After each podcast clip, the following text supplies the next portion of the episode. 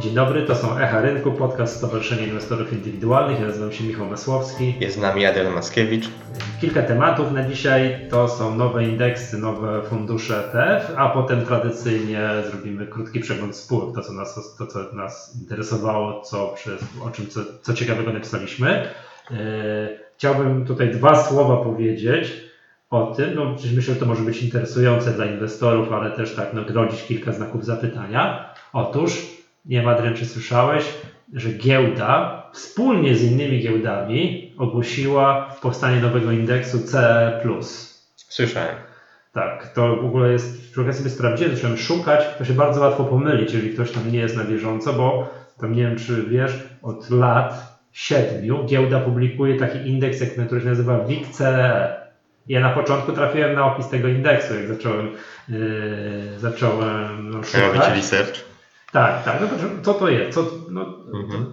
Mignęło mi w newsach, że prezes DITL na konferencji w Krynicy ogłosił powstanie indeksu CE+. Trafiłem na WIG-CE, to jest indeks notowany od 2012 roku i tak jak rzuciłem okiem, są to akcje spółek zagranicznych z regionu notowanych u nas na giełdzie.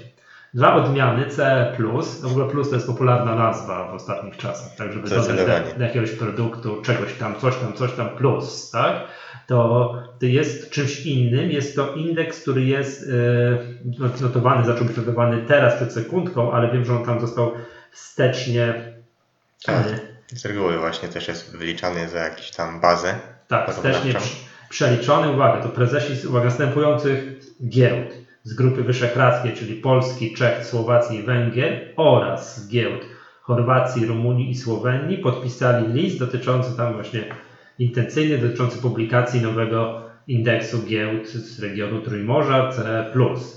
E, no i to mamy tutaj, odnalazłem skład tego indeksu, skład tego indeksu i jest on następujący. No i to nie będę oczywiście czytał w całości, tak, bo jest on tutaj bardzo, jest on bardzo długi, tak, ale patrz tak od góry, e, że są spółki polskie. O pierwsze, 11bit, będziemy mówili o tej tak. spółce, bo to jest dzisiaj, bo to jest interesująca spółka.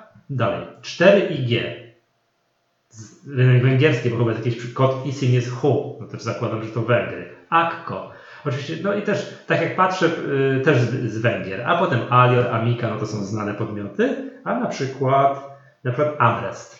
To jest notowana u nas na giełdzie, ale z, ale z Estońsk nie jest, tak? Nie jest Hiszpanii chyba. Amrest się przeniósł do Hiszpanii. Ani się chyba, tak. Bo chyba już się skrót, no to, nie, to nie jest Estonia, to jest Estonia, także tak, tak. to jest ale notowane Wiem, że na pewno planował, ona najwyraźniej już, już to zrobi. Tak, Apenin, przedrost tutaj kod ISIN HU i tak dalej, i tak dalej. Tak jak przeskrolowałem tę stronę, to widzę, że tu jest chyba, chyba WIG20 w całości. Widzę Prawdopodobnie tak. PKO, Orlen, PGE, PGNiG, Playway i tak, no Play to, jest, to nie jest WIG20, no ale te duże spółki, trochę spółek z poniżej WIG-20 i spółek, które właśnie pierwszy raz nazwy widzę, czyli z tych tamtych pozostałych, pozostałych giełd. No tak, to myślę też, warto wspomnieć, że tam kryterium doboru tych spółek to były średnie obroty za ostat... dzienne średnie obroty za ostatnie 6 miesięcy na poziomie 90 tysięcy euro, więc to już był taki pułap dla wielu naszych spółek, które nie były w stanie tego przeskoczyć. Sporo. Więc no w gruncie rzeczy Sporo. SWIG 80 już miałby tam dość duże problemy. Tak, są y, limity pewne, to jest taka reguła, fajnie nazwali 50, 10, 40, czy tak, największa spółka nie może stanowić 10% wagi w tym portfelu, spółki o wadze powyżej 5% nie mogą łącznie przekraczać wagi 40 40% i spółki z jednego kraju nie będą mogły stanowić więcej niż 50% portfela indeksu, co też no, ma jakiś tam sens, bo Polska, wydaje mi się, że gdyby nie było tego ograniczenia, to jednak spółki notowane u nas zdominowałyby yy, ten indeks. No, no jesteśmy największą giełdą regionu, więc nie ma się co dziwić. Bardzo dobrze. Yy, I teraz jest pytanie za 100 punktów, po co nam ten indeks? No to też było tłumaczone. Yy po pierwsze praktyczny powód, czyli właśnie stworzenie funduszu INPE do INPZU, który ma być oparty właśnie na tym, na tym indeksie, no i ma kapitał przyciągnąć e, też na polską giełdę. To jest taka strategia giełdy od, od e, wielu, wielu, no może nie lat, ale już od dłuższego czasu. Niektórzy się z tego śmieją, że zamiast zająć się jakimiś powiedzmy ważnymi problemami kapitałowego to giełda zajmuje się prowadzeniem nowych indeksów. No, w gruncie rzeczy nie wiem, czy to jest dobry czy zły pomysł. No właśnie, To to, to jest taki fragment, na którym się proponuje zatrzymać, bo też, też chciałem właśnie do tego y, dążyć, bo prezes Dietl pytany kiedyś tam, co ma zamiar zrobić, żeby poprawić płynność, jako jeden z pomysłów wymieniał stworzenie nowych indeksów i teraz przy okazji stworzenia tego indeksu też w wypowiedziach gdzieś tam mignęło mi to, że zwiększy to płynność. No i zawsze tak próbuję sobie wyobrazić, jakim cudem stworzenie indeksu ma zwiększyć płynność. No ten fragment, o którym dałeś, że INPZU stworzy fundusz ETF-a chyba, który będzie No naśladował prawdopodobnie tak. będzie naśladował e, ten indeks, no to jest jakaś odpowiedź na to pytanie, tak? Że skoro miałby powstać ETF naśladujący ten indeks, to będzie musiał, zakładając, że on będzie robiony metodą y, y, fizycznej replikacji, no to będzie musiał mieć te akcje w portfelu, co w jakiś sposób będzie generowało płynność, no bo jeżeli jakaś spółka będzie wchodziła w skład tego indeksu, no to ten fundusz będzie musiał kupić troszeczkę akcji tego, tego funduszu. Przyznam się szczerze, że metoda jest y, jakby myślenia o tym, taka no powiedziałbym, no bardzo życzeniowa, tak? No bo tu musi być przedstawiony, spełniony jeden bardzo ważny warunek, ten indeks CE+, musi uzyskać ogromną popularność. On musi być gdzieś tam w jakimś Bloombergu, Reutersie, gdzieś za granicą, tak musi się wy, jako wymieniany, że o, koniunktura na rynkach właśnie tych tutaj naszego regionu, indeks C, CE+, tam nie wiem, spadł, wzrósł plus 1%, spadł o 0,5%, tak? Jak wymieniana tym pasku takiej, wiesz, tak mamy tych e, Tak. wiesz, bankierów z City, Mhm. tak? Czy z Nowego Jorku musi lecieć, musi lecieć właśnie indeks CE+. Problem jest taki, że jest taki bardzo znany indeks, on się nazywa ten MSCI Emerging Tak. Market, Mhm. tak? Jak to on dokładnie Tak, tam- dokładnie tak. tak, tak się nazywa i to jest tak. MSCI, jak ładnie tutaj rozwiniemy skrót, jak wszyscy go mówią, to jest Morgan Stanley Capital International, czyli to Morgan Stanley publikuje ten indeks. No, jest on super popularny. To jest właśnie ten indeks, który leci na paskach, e, tak, obok Nasdaq, Nasdaqu, FTSE, jakiegoś właśnie Standard Poor's i tak dalej, leci MSCI Emerging Market Index. No i teraz pytanie, czy indeks C plus też tam będzie leciał, czy to będzie tylko No, to nie ma chyba za bardzo co porównywać wręcz do siebie tych dwóch indeksów. E, MSCI po pierwsze jest światową, czy jakby Morgan Stanley jest światowym bankiem inwestycyjnym E, i jakby ten indeks, który publikuje jest wyznacznikiem pewnego sentymentu, tak? No bo mamy te rynki rozwinięte, rynki schodzące, no i właściwie analizując te indeksy, jak one się zachowują, wyciągamy wnioski na podstawie tego, jaki jest sentyment do danej grupy aktywów, jeśli chodzi o, o akcje, o, o rynki.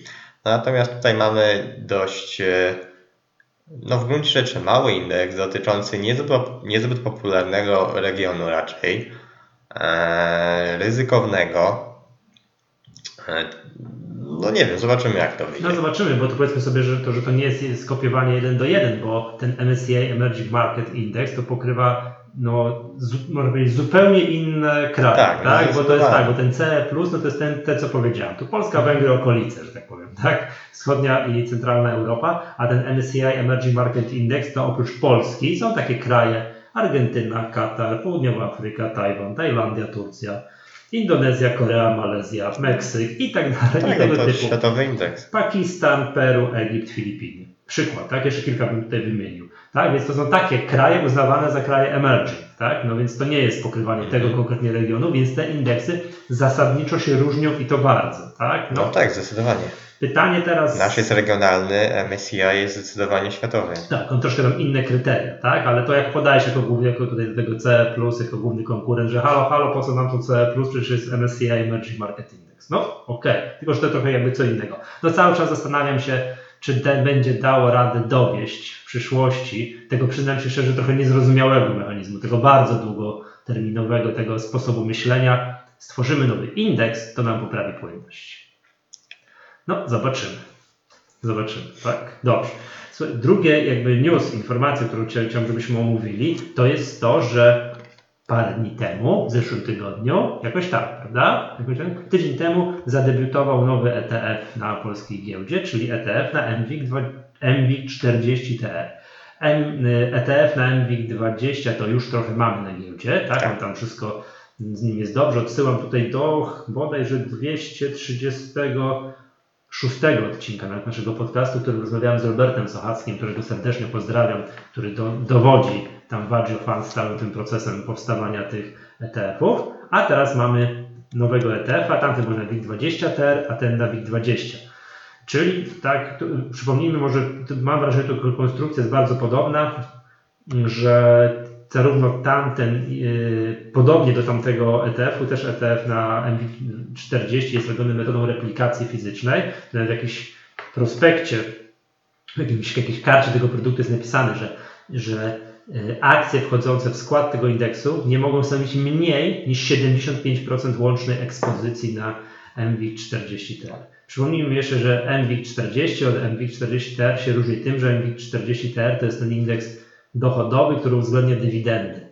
No i, i, i ten ETF ma naśladować właśnie ten, ten indeks z dywidendami, gdzie są te, no, który z siłą rzeczy musi zachowywać się lepiej niż MWIG40, bo, bo są względne dywidendy. I to jest bardzo fajne taka, takie zestawienie znalazłem, właśnie takiej karcie produktu. Tu muszę jeszcze raz bardzo głośno i wyraźnie pochwalić tutaj beta ETF za jakość materiałów informacyjnych produkowanych takich daje dla inwestorów. Bo wiadomo, jak wygląda prospekt emisyjny. No, czy każdy, kto czyta takie dokumenty, wie, że to tam kamienie gryźć łatwiej niż czytać takie dokumenty, ale mają śliczne takie dokumenty, takie karty produktu, takie fact sheety, takie powiedział półgraf, takie graficzne, takie materiały mm, no, z wykresami. Jest fajnie coś takiego jak stopa dywidendy. No i dla przykładu w 2018 roku stopa dywidendy dla całego indeksu, tego MB40TR, wyniosła 3,21%. To jest mniej więcej informacja, tak bardzo ogólnie, ile, o ile lepiej MB40TR będzie się zachowywał od indeksu MB40, który jest indeksem cenowym. No to 3,21%. Także gdybyśmy mieli te spółki, które wchodzą w skład tego indeksu, to mniej więcej no, taką dywidendę, taką stopę dywidendy moglibyśmy uzyskać. No ale teraz kupmy sobie spółki reprezentujące indeks MWIG40. No to dużo roboty przed nami, kupa zachodu, tak? Mnóstwo zachodu, a możemy kupić ETF-a i próbować się, próbować się na, no i chcemy mieć ekspozycję, ekspozycję na cały indeks, no to, no to możemy kupić takiego ETF-a, którego pojedyncza wartość, tak jakbyśmy tu i teraz chcieli kupić go, nie no na giełdzie, bo to jest fajne, że można kupić na giełdzie akcję, no to jest na dzisiaj tu jak rozmawiamy 50 parę złotych. Więc nie ma tu żadnej bariery cenowej, takiej, że trzeba kupić je tak jak rozmawialiśmy w przypadku WIG-20, kupmy sobie jedną akcję LPP, no to jest problem, tak? Kupno tego ETF-u jest o niebo bardziej przystępny, zdecydowanie. No zdecydowanie, tak? natomiast też jednak LPP to jest taki wyjątkowy też przypadek na naszej polskiej giełdzie.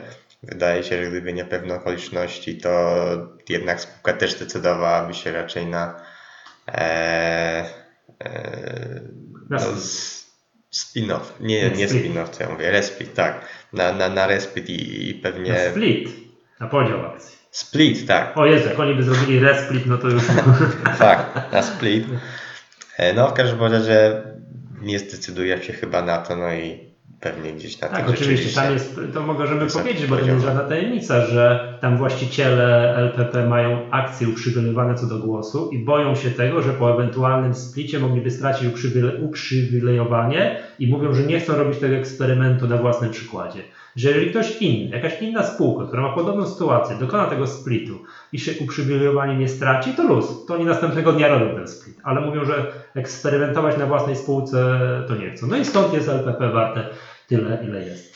Yy, chciałbym zwrócić uwagę na jedną dosyć zasadniczą różnicę między ETF-em na WIG20TR a ETF-em na MWIG40TR. Otóż jest wyższa opłata za zarządzanie. W przypadku WIG-u 20 no to było 0,40%, teraz jest to 0,80%, 0,80%, trochę wyżej.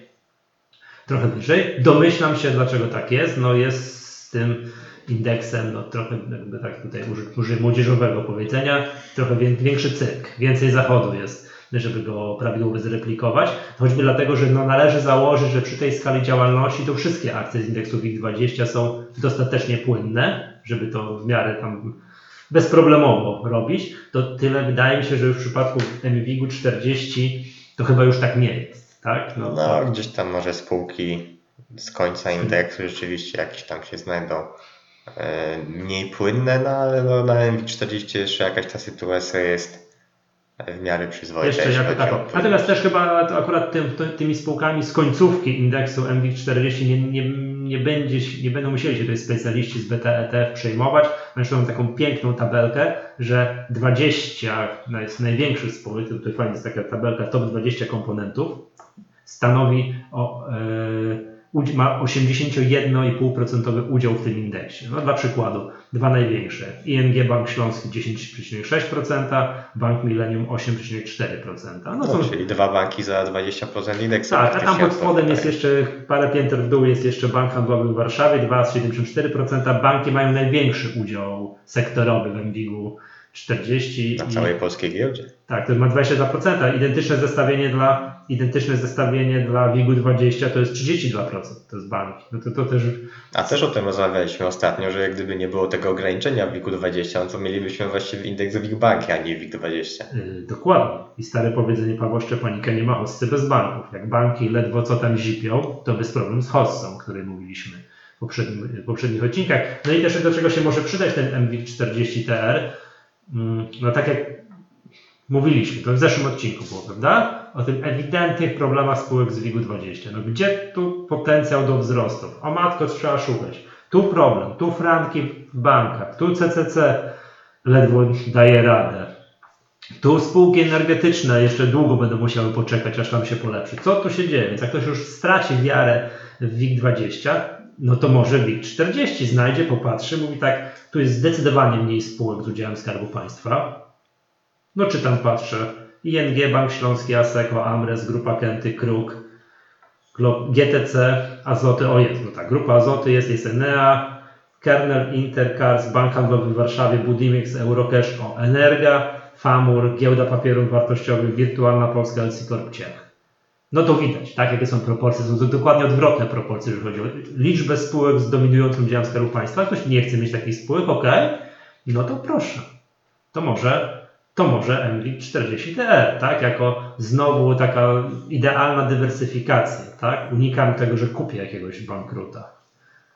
Co się zawsze może zdarzyć. No i to, o czym mówiliśmy, chyba mówiliśmy, wydaje mi się, że to też zwracaliśmy uwagę, że w tych indeksach te spółki też rotują i słabsze wypadają, wchodzą lepsze, tak? Tak, tak. Więc no tutaj też automatycznie my nie musimy nic robić i będziemy mieć te teoretycznie lepsze. Tak, teoretycznie, więc jak też jakaś spółka będzie bardzo nie dawać rady, no to po pewnym czasie przy jakiejś kolejnej rewizji indeksu wypadnie, a zarządzający tym ETF-em dokonają odpowiedniej korekty, pozbędą się tego i my będziemy to mieli mm, dalej, mieć ten portfel tych 40 średnich spółek, pozbywając się tych najgorszych i tam dobierając troszeczkę, dobierając troszeczkę lepsze, tak? Będziemy kibicować tutaj temu indeks, nie indeksowi, ETF-owi, no bo to jest trochę tak powiem tutaj patriotycznie, nasze polskie narodowe. Tak? Bardzo tutaj kibicuję temu, no bo to jest fajne. Tak? To po prostu dobrze było, żeby to się udało, patrząc na statystyki światowych rynków, jakie tam no, ogromnymi popularnościami cieszą się te fundusze pasywne, no to wydaje się, że to my musimy dążyć w tym kierunku. Raczej my musimy się upodabniać do rynków światowych, a nie rynki światowe mm, do nas. No na pewno powinniśmy mieć coś takiego w ofercie, bo myślę, że jest to ciekawe rozwiązanie dla inwestorów, e, tanie rozwiązanie, e, na którym mogą po prostu powoli e, oszczędzać. Tak, to jest ewidentnie fajny taki długoterminowy produkt do oszczędzania i to mimo tego wyższej opłaty za, za zarządzanie, to wciąż jest to tani produkt. Tak jest. Dobrze. Yy, Wymieniliśmy tutaj w tak zwanym tutaj w międzyczasie jeden, jak mówiliśmy o spółkach, które wchodzą w skład indeksu CE+, na pierwszym miejscu alfabetycznie spółka 11bit. I to jest dosyć istotne z tego punktu widzenia, że niedawno u nas na stronie ukazał się raport, Raport. raport, Raport. spółka z, y, z naszego cyklu Spółka pod lupą, mówiący o spółce, o spółce 11bit. To jest tak, mm, tak gdyby nie, gdyby nie CD Projekt, to 11bit byłby na tą naj, najjaśniejszą gwiazdą, y, jeżeli chodzi o czy Playboy. Tak się jeszcze zastanawiam, czy może nie ten Square Games. Co prawda ten Square Games Sektora tego gamingowego. e, jest w indeksie z WIG 80, ale teraz e, końcu ma już, tak mówiąc kolokwialnie, na serio trafić do NB40, bo tam była taka historia przy jednej z poprzednich rewizji, że ktoś się pomylił. Yy, I pierwszy, Jak? Co? pierwszy, kom, był pierwszy komunikat, że ten Square Games ma wejść do NB40, a jakiś chwilę jakąś później e, komunikat, że to komuś jednak pomyliło i ten Square Games póki co zostaje w SWIC 80. E, Teraz przy rewizji ma, ma już się to e, zmienić, więc zastanawiam się, czy, e, czy, czy może nie nawet ten Square Games jest Tak, taki jest tutaj. większy. Przepraszam, byłem nieświadomy tego. Mhm. Jest minimalnie, ten Square Games kapitalizacja, tu i teraz jak siedzimy, rozmawiamy, 998 milionów złotych. Tak, Okej. no to Natomiast to to jest miliard. cały czas blisko 11 bit, tak? 11940, 11 Bit Studio był już powyżej y, miliarda, teraz jest trochę niżej, ale powiem Ci kurs, znaczy wykres, tak, no to jest taki idealny wykres, to co ma być wzrost, korekta, uspokojenie, wskoczenie na wyższą półkę, uspokojenie, także ekstra wygląda. Powiedz mi, co... A jeszcze tylko dodam, że rzeczywiście ostatecznie też sprawdziłem i największy Playway jednak jest ponad mi- no prawie miliardy 200 kapitalizacji, więc pewnie Y, Tak, ale to też to, czy coś tam awansuje do jakichś indeksów lub nie awansuje, to oprócz wielkości spółki też obroty decydują, Tak. free float, także to, to wielkość spółki nie jest jedynym y, kryterium. Natomiast co na WIG20 są małe spółki. Eee, przecież w WIG20 póki co ma, mamy Tauron, tak, który tak, jest, jest y, Dwa coś, mówiliśmy Tak. ostatnio. Tak, pra, tam prawie 3, poniżej 3 miliardów na cały czas przy tej wycenie, przy tych problemach jest 3 razy większy od e, albo mówiąc inaczej jest takiej samej wielkości jak Playway, ten Square Games i 11 Bit 11 Studio Bit razem. Studio razem wzięte, przy czym Tauron jest na historycznych minimach, a tamte spółki no, blisko historycznych szczytów. Tak. Więc to mi się też pokazuje pewną skalę e, jednak wielkości tych, tych spółek poza CD Projektem, no bo to też jest taki, nieraz już o tym też mówiliśmy, że jest CD Projekt, albo może inaczej, jest ta nawet światowa e, czołówka, Blizzard i, i, i te wszystkie inne spółki. Długo, długo nic, CD Projekt, długo, długo nic i, i tak naprawdę dopiero jakieś kolejne, Cała reszta polskich spółek, wymienione jako gwiazdy polskiej tak, sceny gamingowej. szeroki gaming. tak dalej. Ale ja akurat 11 Bit Studios to jest jeden z tych nielicznych spółek, którą najpierw poznałem gry, a później gdy wiedziałem, że spółka jest notowana na Mhm. giełdzie, tak, to, to, to pograłem trochę i w Anomaly Wars on Earth i w O. This War of Mine, tak, no bo to, Podobały Ci się? tak, to są fajne, fajne gry. Nie grałem niestety tego, Frostpunka. nie grałem w Frostpunka. No, ale to wszystko przed tobą, bo teraz spółka wypuściła pierwszy dodatek i tak zwany e, Season Pack, e, czyli Season Pass, e, czyli ogólnie do Frostpunka, tak jak do e, This War of Mine, mają być trzy dodatki. Pierwszy już wyszedł, a jeśli się kupi Season Pass, to od razu będzie się też e, miało te kolejne, kolejne dodatki.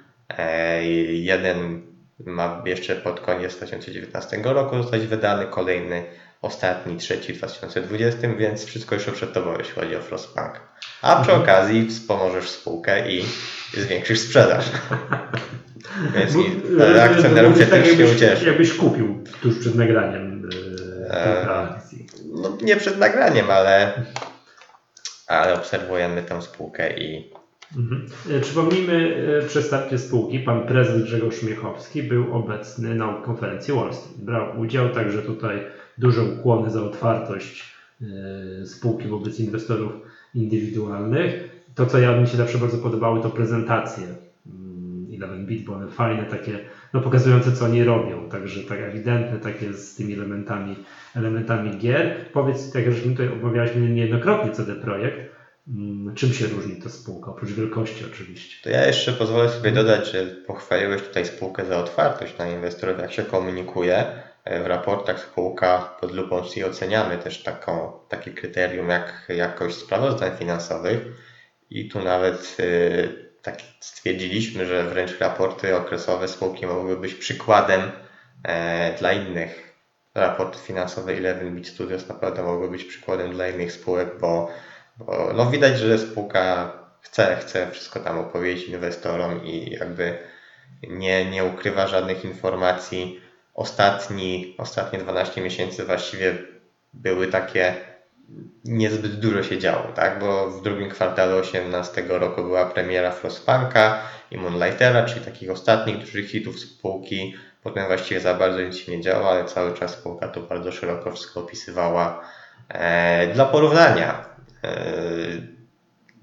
na początku roku przyjrzeliśmy się też spółce Playway, no i tam e, czytanie tych raportów no, było wymagające, natomiast przy Eleven Beat Studios rzeczywiście wręcz można powiedzieć przyjemne. Dobra, ale powiedzmy, bo też powiedzmy, bo to tak jakby wiesz, spółka z branży growej nierówna spółce z branży growej, tak? Tak jak CD Projekt to każdy wie, raz na ileś lat, bardzo duży tytuł AAA, taki z tej klasy, ale z tej najwyższej i oni 4 lata rzeźbią tego kolejnego Wiedźmina 4 Cyberpunka i to ma im zapewnić gigantyczny światowy sukces. Playway z kolei czy Ten Square Games robią mniejsze gry, ale wypuszczają je bardzo często, prawda, na jakieś urządzenia mobilne i tak dalej. Mam wrażenie, że 11-bit Studios jest trochę po środku, tak? No. po środku, że aż takich gigantów jak Cyberpunk to nie robią, ale też nie robią drobnicy na, na urządzenia mobilne. 11-bit Studios jest nazywany e, mniejszym czy młodszym bratem e, CD Projektu i myślę, że to bardzo jest dobre określenie, bo rzeczywiście nie robią gier AAA, ale na ostatniej konferencji e, po wynikach rocznych właśnie określili się jako producent, który chce robić alternatywy dla gier AAA, czyli tych najwyższej klasy, czyli cały czas spore produkcje, no ale zdecydowanie nie z tej najwyższej półki, nie o tych najwyższych budżetach i taką produkcją e, był Frostpunk, taką produkcją ma być kolejna, e, kolejna gra, czyli na razie jeszcze pod e, tytułem roboczym Projekt 8. E, No i tak tym się różnią od, e, od CD Projektu. Robią, można powiedzieć, to samo, tylko w mniejszej skali, tak bym to porównał. Mhm, te gry są zdecydowanie mniejsze, takie no, już- No i zobacz też na kapitalizacji, to ona też tutaj jednak dużo mówi. Miliard, y, ponad 20 miliardów. No, to ponad Mo- 200 to młodszy- jest delikatnie powiedziane, to, to CD Projekt to już 25 miliardów trzeba zacząć mówić. Zaraz to będzie blisko 30, jak to w tym tempie będzie szło. Chociaż przyznam się szczerze, to z jednej strony sobie, sobie tak mówię, jak na to patrzę, ja już nie wierzę w dalsze wzrosty CD Projekt. Budzę się po dwóch tygodniach, on znowu jest 20 zł droższy.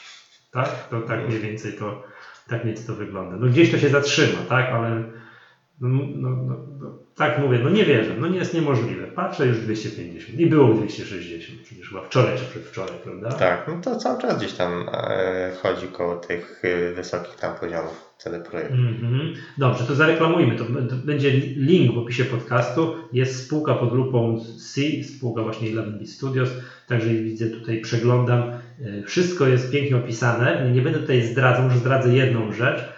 Mm, Spółka, w takim, my oceniamy te spółki w 10 kategoriach, no i tam są różne, tak, czynniki ryzyka, jakość komunikacji, perspektywy branży itd., itd. No jedno mi się tylko nie podoba, w przypadku tej w przypadku 11, 11 Bita, to jest, to jest polityka dywidendowa, tak? No, Czego oczekiwa się od takiej spółki? no, no, no rozumiem, tak, że tu jakby to spółka ewidentnie, widocznie właściciele, zarząd też tak twierdzi, tak? Wzrostowa, a nie dywidendowa. No Jeszcze przede, inwestować. przede wszystkim, żeby wypłacać te dywidendy, no to trzeba mieć jakby taki stały, regularny przepływ gotówki. E, W przypadku, gdy tworzy się gry i nawet nie robi się ich e, corocznie, tak, że jeden rok jedna gra, e, no to trudno jednak prowadzić jakąś taką stabilną politykę dywidendową. No więc no, co tu dużo mówić. Może kiedyś sama spółka ma taką strategię, aby w ja- jakiejś tam perspektywie, sama do końca jeszcze nie określiła jakiej, nazwijmy to, że średnioterminowej, chciałaby robić właśnie jedną e, dużą grę własną, rocznie wydawać. E, i w tym celu właśnie e, obecnie, no myślę cały czas jest tutaj w procesie powiększania zespołu i, i chce mieć docelowo właśnie trzy takie e, zespoły deweloperskie po 50 osób, które będą pracowały nad tymi dużymi własnymi produkcjami, a jednocześnie ro, rozwija też pion wydawniczy. E, I tutaj e, no docelowo nawet chciała, aby spółka co kwartał mieć taką jedną premierę z tego pionu wydawniczego. Mhm. Więc to by na pewno troszeczkę mogło stabilizować e, te, te przepływy. No, ale to myślę jest jeszcze jedna historia dalszej przyszłości. Nie, powiem tak, dopóki kurs będzie się zachowywał tak, jak się zachowuje, czyli generalnie jest nieźle, ładny, taki bardzo długoterminowy Mhm. wykres y, tej spółki, no to inwestorzy będą tak przymykać oko. Tak? No dobra, tak to tak dało zarobić. No pięcioletnia stopa zwrotu 3600%. No, to, to ja No. muszę... Czy to, czy to oczywiście bardzo, bardzo tutaj mocno rosła spółka i jakby ma to potwierdzenie w tym, co robi e, w grach, jak produkuje, jak się komunikuje z rynkiem i e, cała ta strategia spółki, to to jak już wszystko ma oczywiście przełożenie na to i e, kolejne sukcesy tych, tych produkcji, e, które wydaje. E, No natomiast jeśli chodzi o takie długoterminowe stopy zwrotu, Mm, Okej, trzeba ten szacunek oddać, że bardzo mocne wzrosty, no ale jednak baza startu z rynku Newconnect też była bardzo, bardzo niska. No tak, ale ktoś to wtedy uwierzył w tę spółkę, że... To Wydaje jestem, się, jestem ciekawy, czy utrzymał.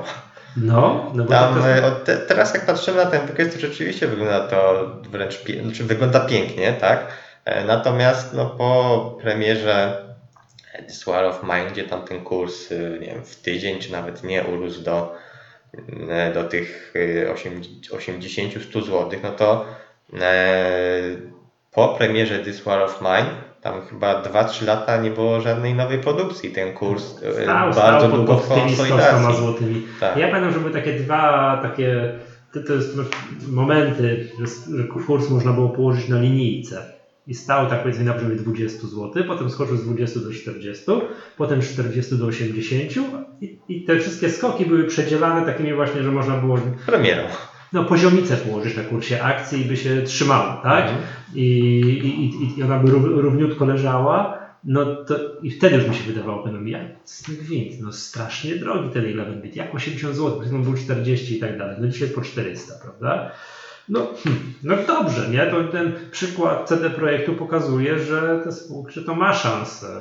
Jeżeli ktoś ma no, dobry materiał, robi jakościowo dobre produkcje, to czemu nie? No zawsze tutaj, no nie będę już wracał do tego, że te spółki growe mają gigantyczne, ogromne wskaźniki C do Z, chociaż Eleven aż tak nie ma, tak? Bo jak ktoś spojrzy... Eleven ma teraz 50. strasznie wysokie akurat, powiedziałbym 50. jak na... No 50 wydaje mi się, że to jest dużo.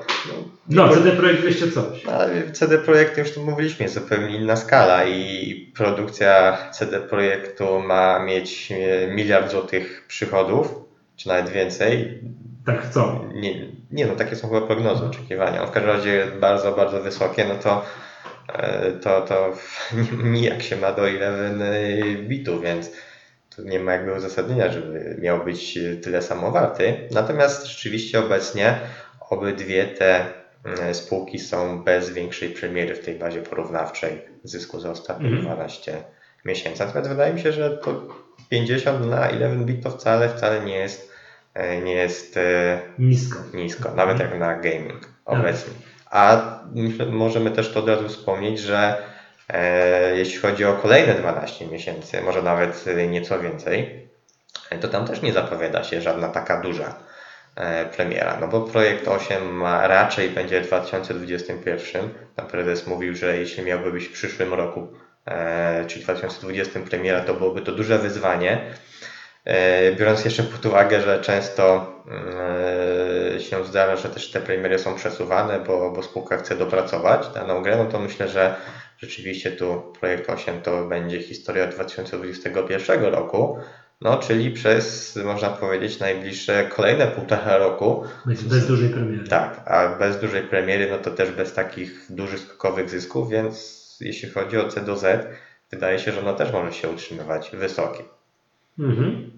Okej. Chociaż oczywiście, tak jak mówiliśmy, teraz ten Frostpunk dodatki mają zostać wydane. Ciekawa informacja z ostatnich dni, bo jakby wiadomo, główną platformą do sprzedaży jest Steam i wprowadził on pewne obniżki dla, e, dla gier, które się dobrze sprzedają i Frostpunk ostatnio przekroczył sprzedaż 10 milionów dolarów i każda kolejna sztuka sprzedanej tej gry czy dodatków do Frostpunka będzie już z prowizją 25%, a nie 30%, czyli tutaj 5 punktów procentowych niższa prowizja. Czyli 30% kasuje Steam za bycie platformą, E, tak. za dystrybucję. A teraz już 25 w przypadku Frostpunka.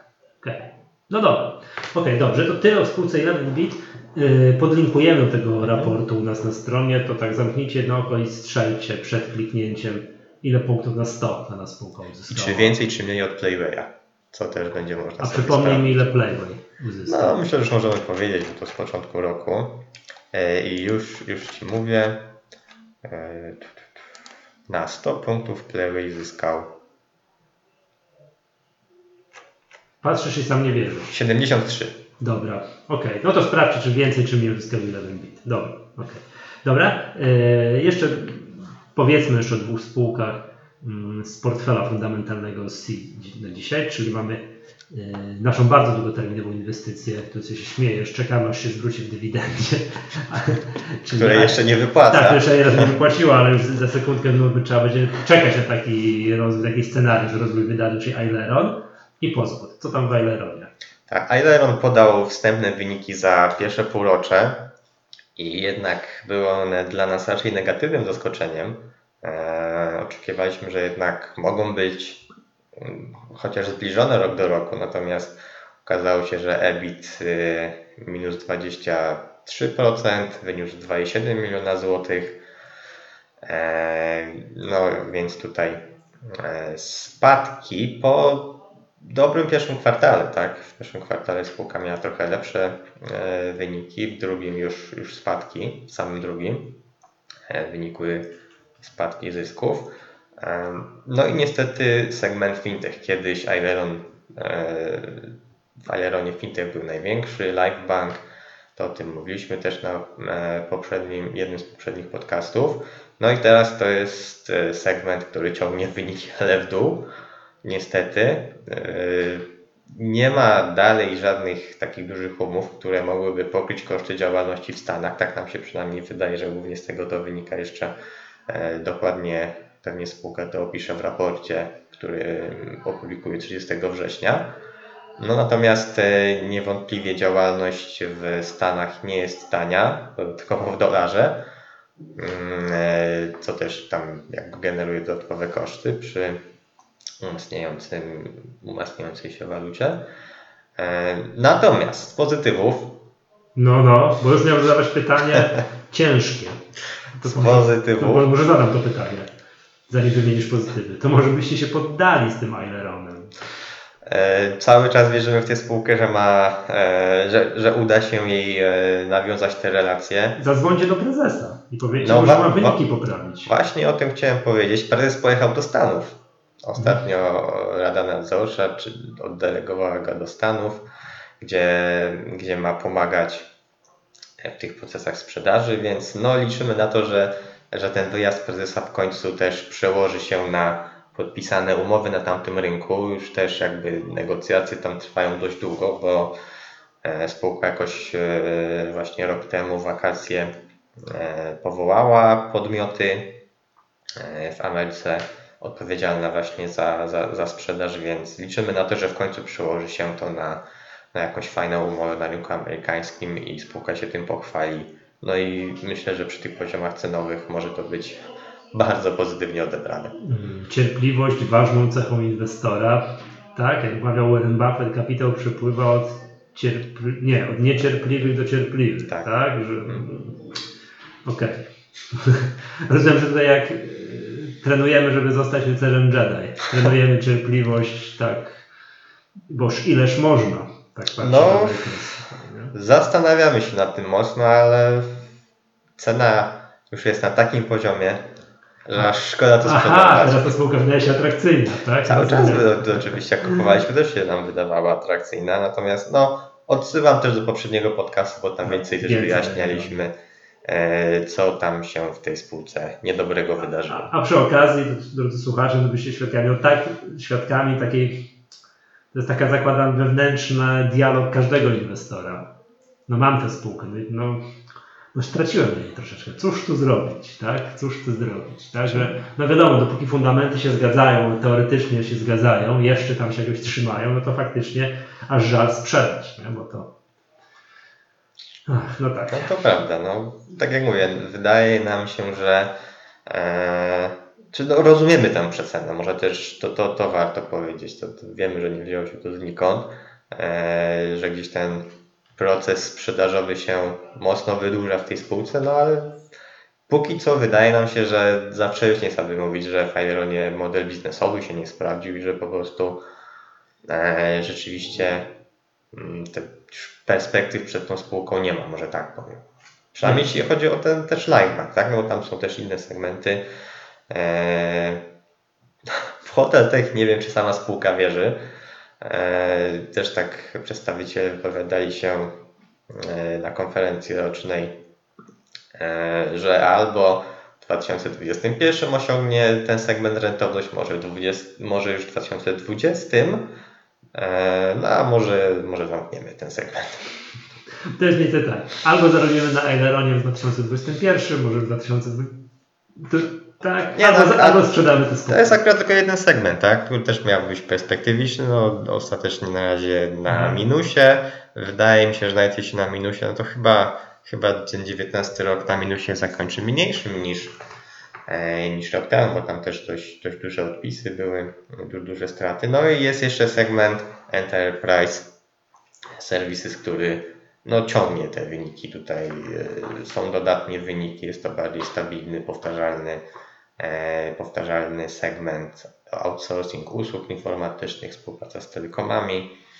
E, no i to, to tak naprawdę ratuje Ailerona, że nie zanurkował jeszcze niżej. Ten, ten segment teraz jest ratownikiem.